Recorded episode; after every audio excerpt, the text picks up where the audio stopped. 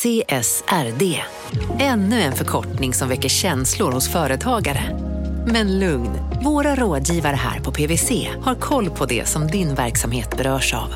Från hållbarhetslösningar och nya regelverk till affärsutveckling och ansvarsfulla AI-strategier. Välkommen till PWC. Du har 86 missade samtal.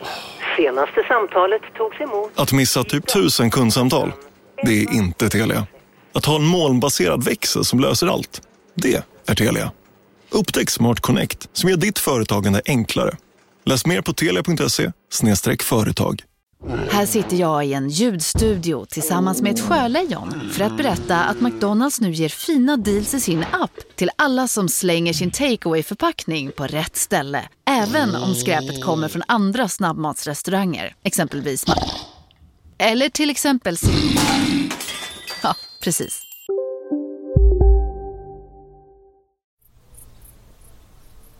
Från Monopol Media, det här är Kapitalet. Jag heter Gunnar Harjus. Och jag heter Åsa Secker.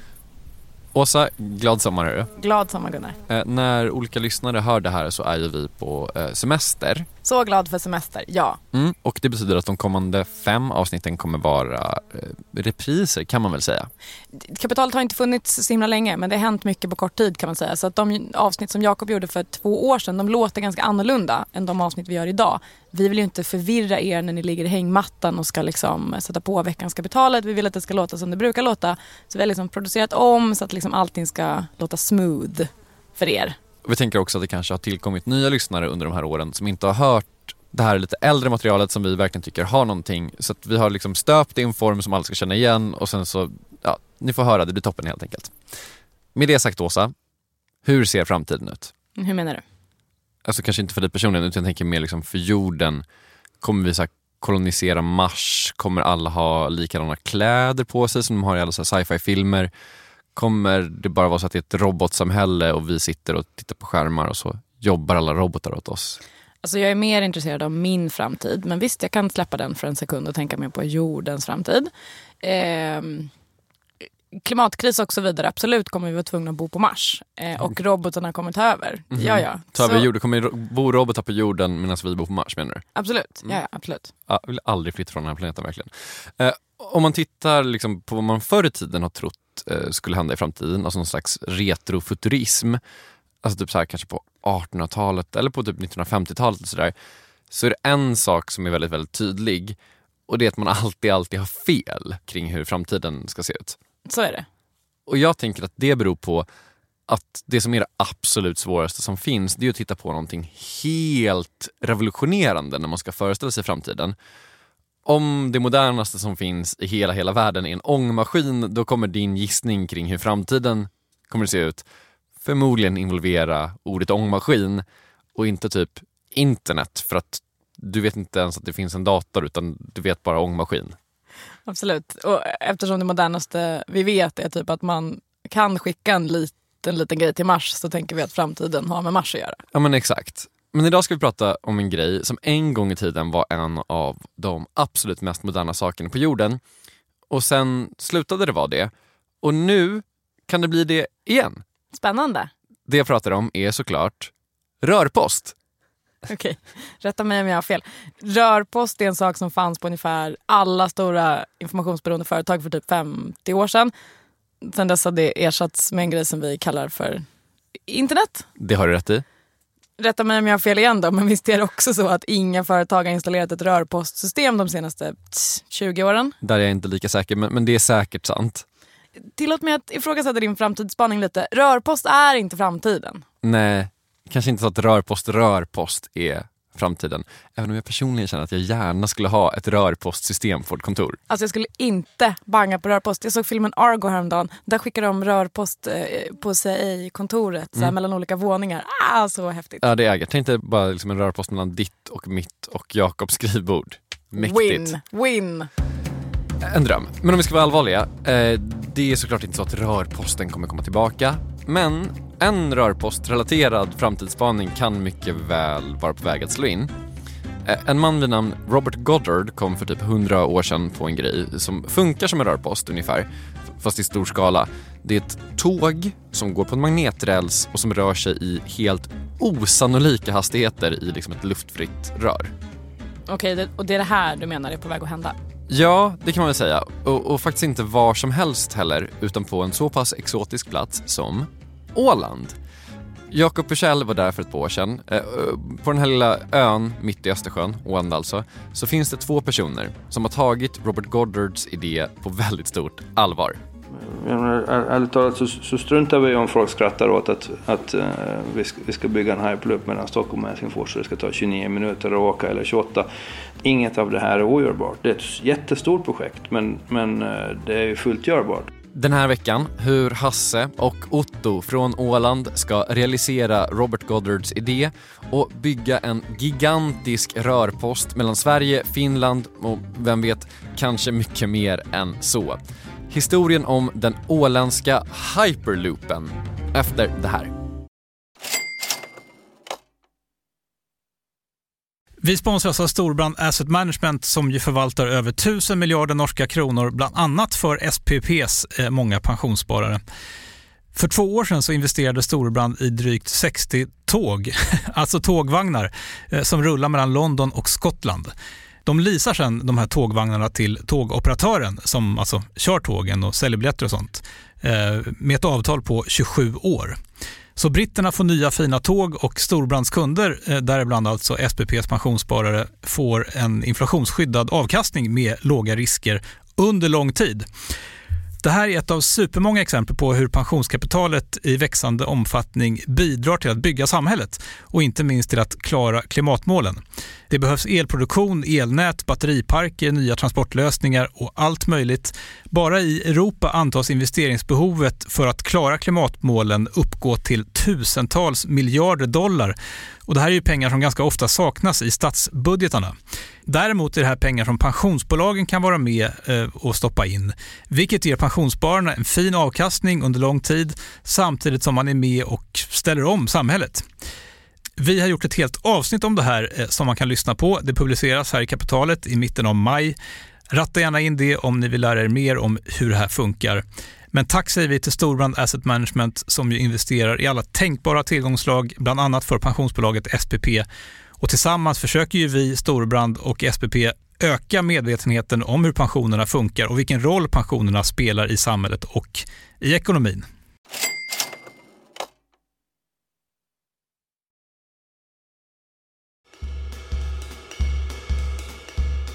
Okej, så i sin renaste form så är Otto och Hasses grej inte alls så långt ifrån den här rörpostidén. I princip så är tanken att den ska funka på samma sätt. Eh, det största problemet med all form av resande är luftmotstånd, för det tar typ all energi att det finns luft. Men i röret finns ingen luft, eller? Nej, typ så. Det funkar liksom genom lufttryck. Alltså genom en fläkt så skapar man olika densitet eh, på luften i olika eh, liksom, vad ska man säga, kammare. Eh, och så flyttar sig grejer i röret. Jag tror alla vet typ hur en rörpost funkar. Eller i princip så är det samma grej som händer när man dricker ett sugrör. Fast i lite större skala. Och det här, det skulle vara samma sak fast i ännu större skala? Ja. Eh, det det handlar om det är alltså att köra ett tåg genom ett sugrör. Äh, inte genom ett sugrör, genom ett rör. Och det är det som alltså två killar på Åland vill göra. Va, vad heter de här två killarna nu igen? Den ena heter Hasse Holmström jag uh, har jobbat, uh, jag jobbat med in internetinfrastruktur som första början egentligen. Sen det, det kom till, till Norden och blev, blev eh, allmängods i, i början på 90-talet. Vilket är lite av en underdrift. Hasse var personen som tog internet till Åland. Balt. Verkligen. Den andra som ska fixa den här rörposten är Otto Hojar. Båda är ålänningar, de har drivit massa företag. Och det här börjar egentligen med att Otto tar över en stugby Isakssons stugby på Föglö i Ålands södra skärgård. Eh, det är nu egentligen ett, ett familjeföretag som jag fick erbjudande att ta över. Eh, och när jag flyttade hem så har jag ibland studerat och börjat fundera vad finns det för möjligheter och hot med den här verksamheten på en liten ö ute i Östersjön. Eh, då eh, konstaterade jag att det finns två stora hot. Det ena det miljömässiga i och med att Östersjön inte mådde så bra och fortsättningsvis inte, inte mår så bra. Och det andra är kommunikationerna. Dagens allt mer stressade människor vill gärna komma snabbt. Det, hastigheten och tillgängligheten är jätteviktig. Och eh, konstaterar man att den förstnämnda så är det ganska svårt att göra någonting åt vad heter miljön. Eh, däremot kommunikationerna och tillgängligheten finns det ju alla möjligheter att förbättra. Det ska nämnas att den åländska skärgården består av typ 7000 öar. Men okej, för att summera den här starten då. Han behöver bättre kommunikationer för att få turister till sin nya stugby. Han bestämmer sig för att göra någonting åt det. Vad gör han? Han kommer med ett förslag om att man ska bygga en biltunnel mellan Föglö och då den åländska huvudön, eller vad man ska kalla den. Eh, Föglö är en av de andra lite större öarna. Och han börjar liksom försöka övertyga olika politiker om att det här är en bra idé. Eh, det går inget vidare om vi ska vara helt ärliga. Eh, men i den här vevan, vi är runt millennieskiftet, så pratar Otto med en gammal kompis, också han entreprenör. För alla på Åland är entreprenörer. Mycket tyder på det. Och den här gamla kompisen bara, vad håller du på med? Nu måste ni sluta titta er i naveln, att nu måste ni börja titta på det här ur ett större perspektiv. Snäll vän? Frågetecken. Ja, men jag tror att det var lite så uppmuntrande, lite sådär, du är för bra för att undersöka en biltunnel mellan Föglö och huvudön. Kolla på något större hörru. Man, man ska ha vänner i livet som säger “think bigger dude”. Verkligen.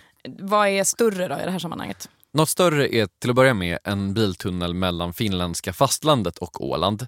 Det här hade utretts redan på 60-talet. Otto hittar den här gamla utredningen, tittar på den och tänker att ja, men det här borde man faktiskt kunna göra någonting av. Otto vill vara med på törn då på något sätt? Ja men precis, men han gör två stycken ändringar. Nummer ett, han ändrar det från biltunnel till tågtunnel. Det tycker Otto är en bättre idé. Och nummer två, han ändrar det från att tunneln ska gå från Finland till Åland till att den ska gå från Finland till Åland till Sverige. Jag skulle kalla det här för forward thinking. Mm. Ja, det är också en idémodell större. Onekligen så.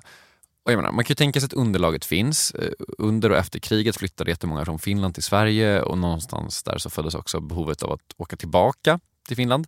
På den här tiden, det vill säga efterkrigstiden, vill man också gärna ta med sig bilen. Det här fattade en kille som heter Gunnar Eklund. Han grundade det som senare blev Viking Line och idag åker flera miljoner människor mellan Sverige och Finland varje år. Okej, så även om den här idén med tåg kan låta som galenskap så behöver den inte vara det? Nej men typ så. Och Otto håller på och harvar med den här idén att försöka övertyga olika människor om att bygga en tunnel under vattnet. Liksom. Och 2013 så tar han in lite hjälp. Eh, jag kommer faktiskt ganska bra ihåg det tillfället. Jag tänkte tillbaka jag satt på min kammare eh, ute på Fögle och mitt i allt så poppade till i min Facebook och då hade Hasse Holmström, som jag då inte kände, förutom bara liksom vi, vi har ju aldrig umgåtts i samma gäng på det sättet, och då hade Hasse Holmström då gjort en, en, en podd eh, hur den skulle kunna se ut i ett åländskt förhållande och jag visste absolut ingenting vad det var.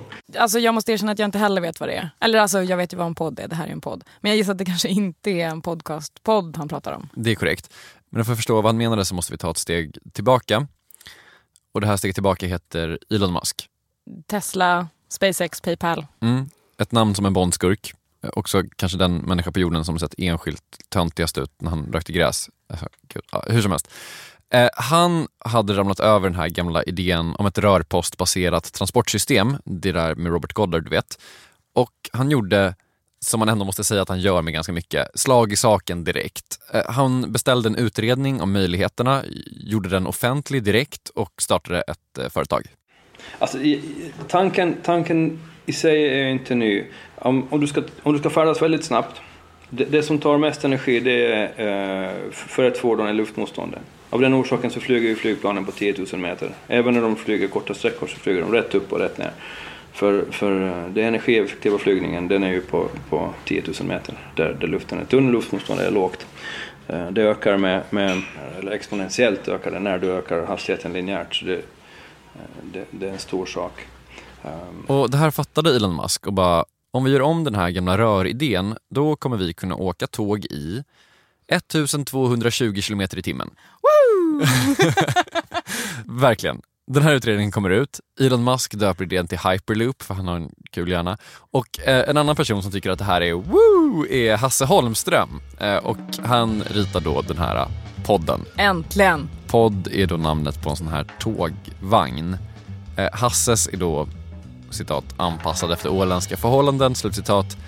Den ser ut som en Finlandsfärja. Det är lite kul ändå. Det är lite kul. Och det tyckte Otto också.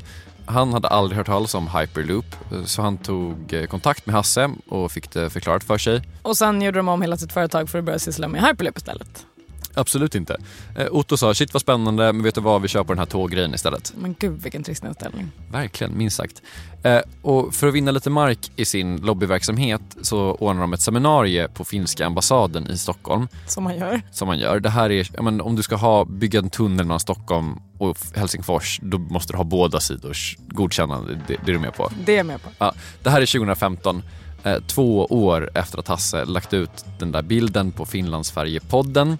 Och seminariet är en stor grej, för om man gör det här rätt så kan man få viktiga personer från olika sådana här, du vet, handelskammare och olika så nordiska råd och sånt att eh, komma dit och sen så kan man få dem på sin sida och sen så kan man få bygga en tunnel mellan Helsingfors och, och Stockholm.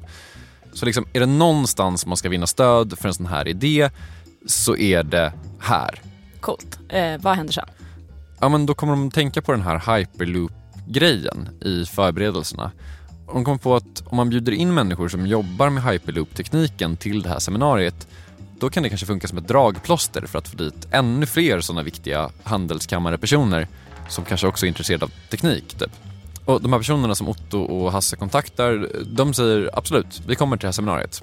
Och sen... Men sen gick det en månad, det gick en och en halv och vi började bli lite nervösa. Vi hade väl haft lite små, små problem med att sälja in varför vi skulle bjuda in Hyperloop, ett amerikanskt bolag, till en, en finsk ambassad och vi hade bland haft ganska stora problem att få det här förankrat, att varför, hur, varför ska vi få de här inbjudna och så vidare. Det var ju redan galet som sådant att börja prata om en tågförbindelse mellan Finland och Sverige och, och stor risktagning för ambassadtjänstemännen. Men efter lite trixande och, så fick vi igenom det här och, och sen när det visade sig att de hade hört av sig, de här vi tog kontakt både via LinkedIn, via mail, försökte ringa det här bolaget men ingen svar. Stressigt läge. Här har man lockat till sig en massa big shots på löftet att de ska få höra om hyperloop och så blir man ghostad. Mega stress. Eh, och i den vevan började vi googla runt lite och titta på vad finns det för andra bolag som håller på med hyperloop och av ett tillfälle, tillfällighet så fick vi ögonen, upp ögonen för Hyperloop Technologies som de hette på den tiden. Vänta nu, vadå ett annat företag som håller på med det här? Vad betyder det ens? Jag trodde att det här var en eh, Elon Musk-grej. Ja men det var det, men eftersom Elon Musk Elon Musk så tog han inga patent eh, på någon teknik och den här utredningen den släppte han helt fri för vem som helst att läsa. Och då hände det som man hoppades skulle hända, det vill säga att det började ploppa upp massa olika företag eh, runt om i världen som håller på med den här saken. De flesta i Kalifornien om vi ska vara ärliga. Okej, okay, jag fattar. Och ett av dem är då Hyperloop Technologies. Precis, som idag heter Hyperloop One. Eller om man ska vara helt ärlig heter Virgin Hyperloop One. Eh, det köptes av Virgin och Richard Branson. Däremellan hette det Hyperloop One ett tag och det är väl det som det är mest känt som idag. Eh, men Otto i alla fall, han ser det här företaget. och tänkte på vinst eller förlust. Vi skickade ett mejl och hoppas på det bästa. Och döm om min förvåning när jag nästa dag vaknade upp så var det mejl i inboxen och sa att, jo, att den nytillträdde vdn Rob Lloyd och vice vdn Josh Geigel kommer att komma till det här seminariet. Rob Lloyd har idag slutat som vd för Hyperloop One och är, håll i dig, ordförande i amerikanska Ultimate Frisbee-ligan. Det är den här frisbeesporten som man fick köra på gympan i gymnasiet ibland när gympaläraren försökte vara lite cool. Exakt den. Men just då var han en av de absolut mäktigaste männen i hyperloop-världen. Och han bara, absolut, jag är supersugen på att komma till det här seminariet. Alltså förlåt, jag vill inte vara den som är den, men varför då? Alltså jag tror att Hasse och Otto, de, de är säkert toppen, jag har inte träffat dem. Deras tågidé, kanon, tvivlar inte på det varför vill Rob Lloyd komma dit? Det är inte logiskt. Det var ju också en, en tillfällighet och tur som vi hade att vi, och tajmingen. Rob Lloyd hade just månaden före hade han blivit anställd som VD från att tidigare ha varit vice, vice VD på Cisco med vad det, Cisco har 65 000 anställda. Eh, Hans historia var den att han har varit Nordeuropa-chef under den tiden när Nokia och Ericsson, när vi här i Norden faktiskt satte standarden för hela världens mobilnät och såg vilken potential det finns i det nordiska samhället. Det visste vi ju inte då att han hade varit, men det var ju därför han blev så pass positivt inställd till det här och, och direkt sa att hit ska vi åka. Och här sitter vi idag och för, håller på att göra samma sak igen med samma sak igen menar Otto då eh, sätta standarden för kommunikation. Eh, de jämför potentialen med hyperloop med typ internet, att liksom hyperloop skulle kunna bli ett internet för människor. Liksom om man kan åka eh, Stockholm, Helsingfors i 1200 km i timmen, då kan man liksom pendla mellan i princip vilka städer som helst. Och möjligheterna är väl, om man ska prata i så här företagslingo, i princip obegränsade. Sjukt. Alltså jag tänker att framtidens transporter snarare är såna här liksom eh, Harry Potter-portaler. Där man ställer sig på en viss plats och så säger man go. Ja, men nu är det det här vi har. Eh, men Rob Lloyd i alla fall, eh, han kommer till Stockholm. Låt oss säga att det var bland, alltså anmälningsmässigt, det var fullt hus på seminariet.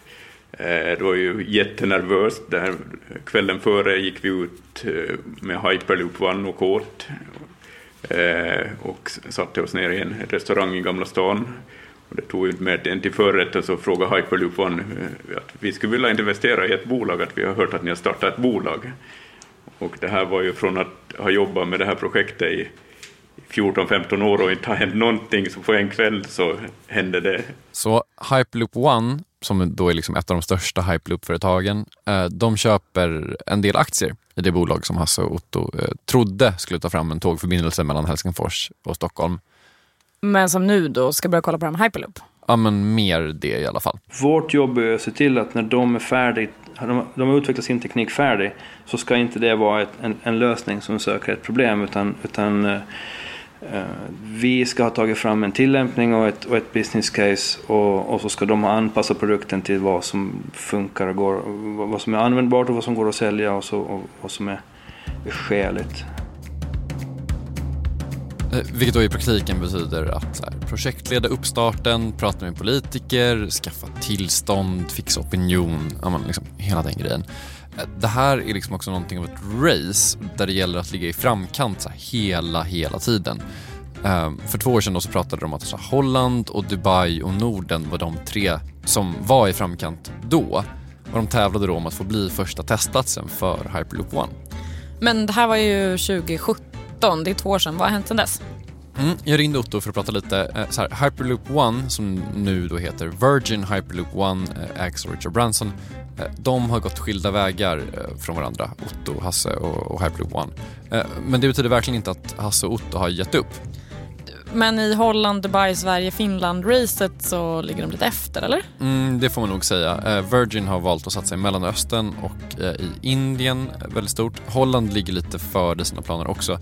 Men Otto och Hasse, de håller på med en annan grej som är förberedande arbete för en tunnel mellan Föglö och fasta Åland. Det är alltså en, en biltunnel. alltså det de skulle ha gjort från början? det är faktiskt exakt det de skulle ha gjort från början. Den tunneln skulle då byggas med en speciell teknik, alltså liksom själva tunneldrivandet. Och den tekniken skulle man på sikt kunna använda då för att bygga en tunnel mellan Sverige och Finland. Och i en sån tunnel skulle det kunna finnas hyperloop-aspekter så att säga. Okej, okay, men då tänker jag att det här är någon slags pilotprojekt. Ja men det kan man nog säga. Det här är liksom ett sätt att visa att det här kommer funka om man gör det rätt. Och sen efter det så får man hitta en teknisk affärspartner som faktiskt liksom bygger hyperloopen. Som vanligt när det kommer till infrastrukturprojekt av typen bygga en tunnel mellan Sverige och Finland så tar det här såklart sjukt lång tid. Men då tycker jag vi bestämmer nu att eh, vi ringer eh, Hasse och Otto varannat år ungefär bara, stämmer av. Absolut, jag, jag ringer Otto om två år igen. Eh, med det är kapitalet slut, men om ni hänger kvar så kommer ni få höra en intervju som jag har gjort med Maria Börjesson. Den handlar om hur transportinfrastruktur kan möjliggöra eller förhindra samhällsnytta den är faktiskt toppen. Hon är, hon är kanon. Det är jätteintressant så jag tycker ni ska lyssna klart. Eh, vi som gjort den här reprisen och uppföljningen heter Åsa Secker och Gunnar Harjus. Jakob Bushell var den som gjorde originalavsnittet och eh, alla intervjuer. Han är också vår chef. Kristoffer Krook har gjort att det här går att lyssna på och på Instagram heter vi Kapitalet. Vi är tillbaka igen om en vecka. Hej då! Hej då!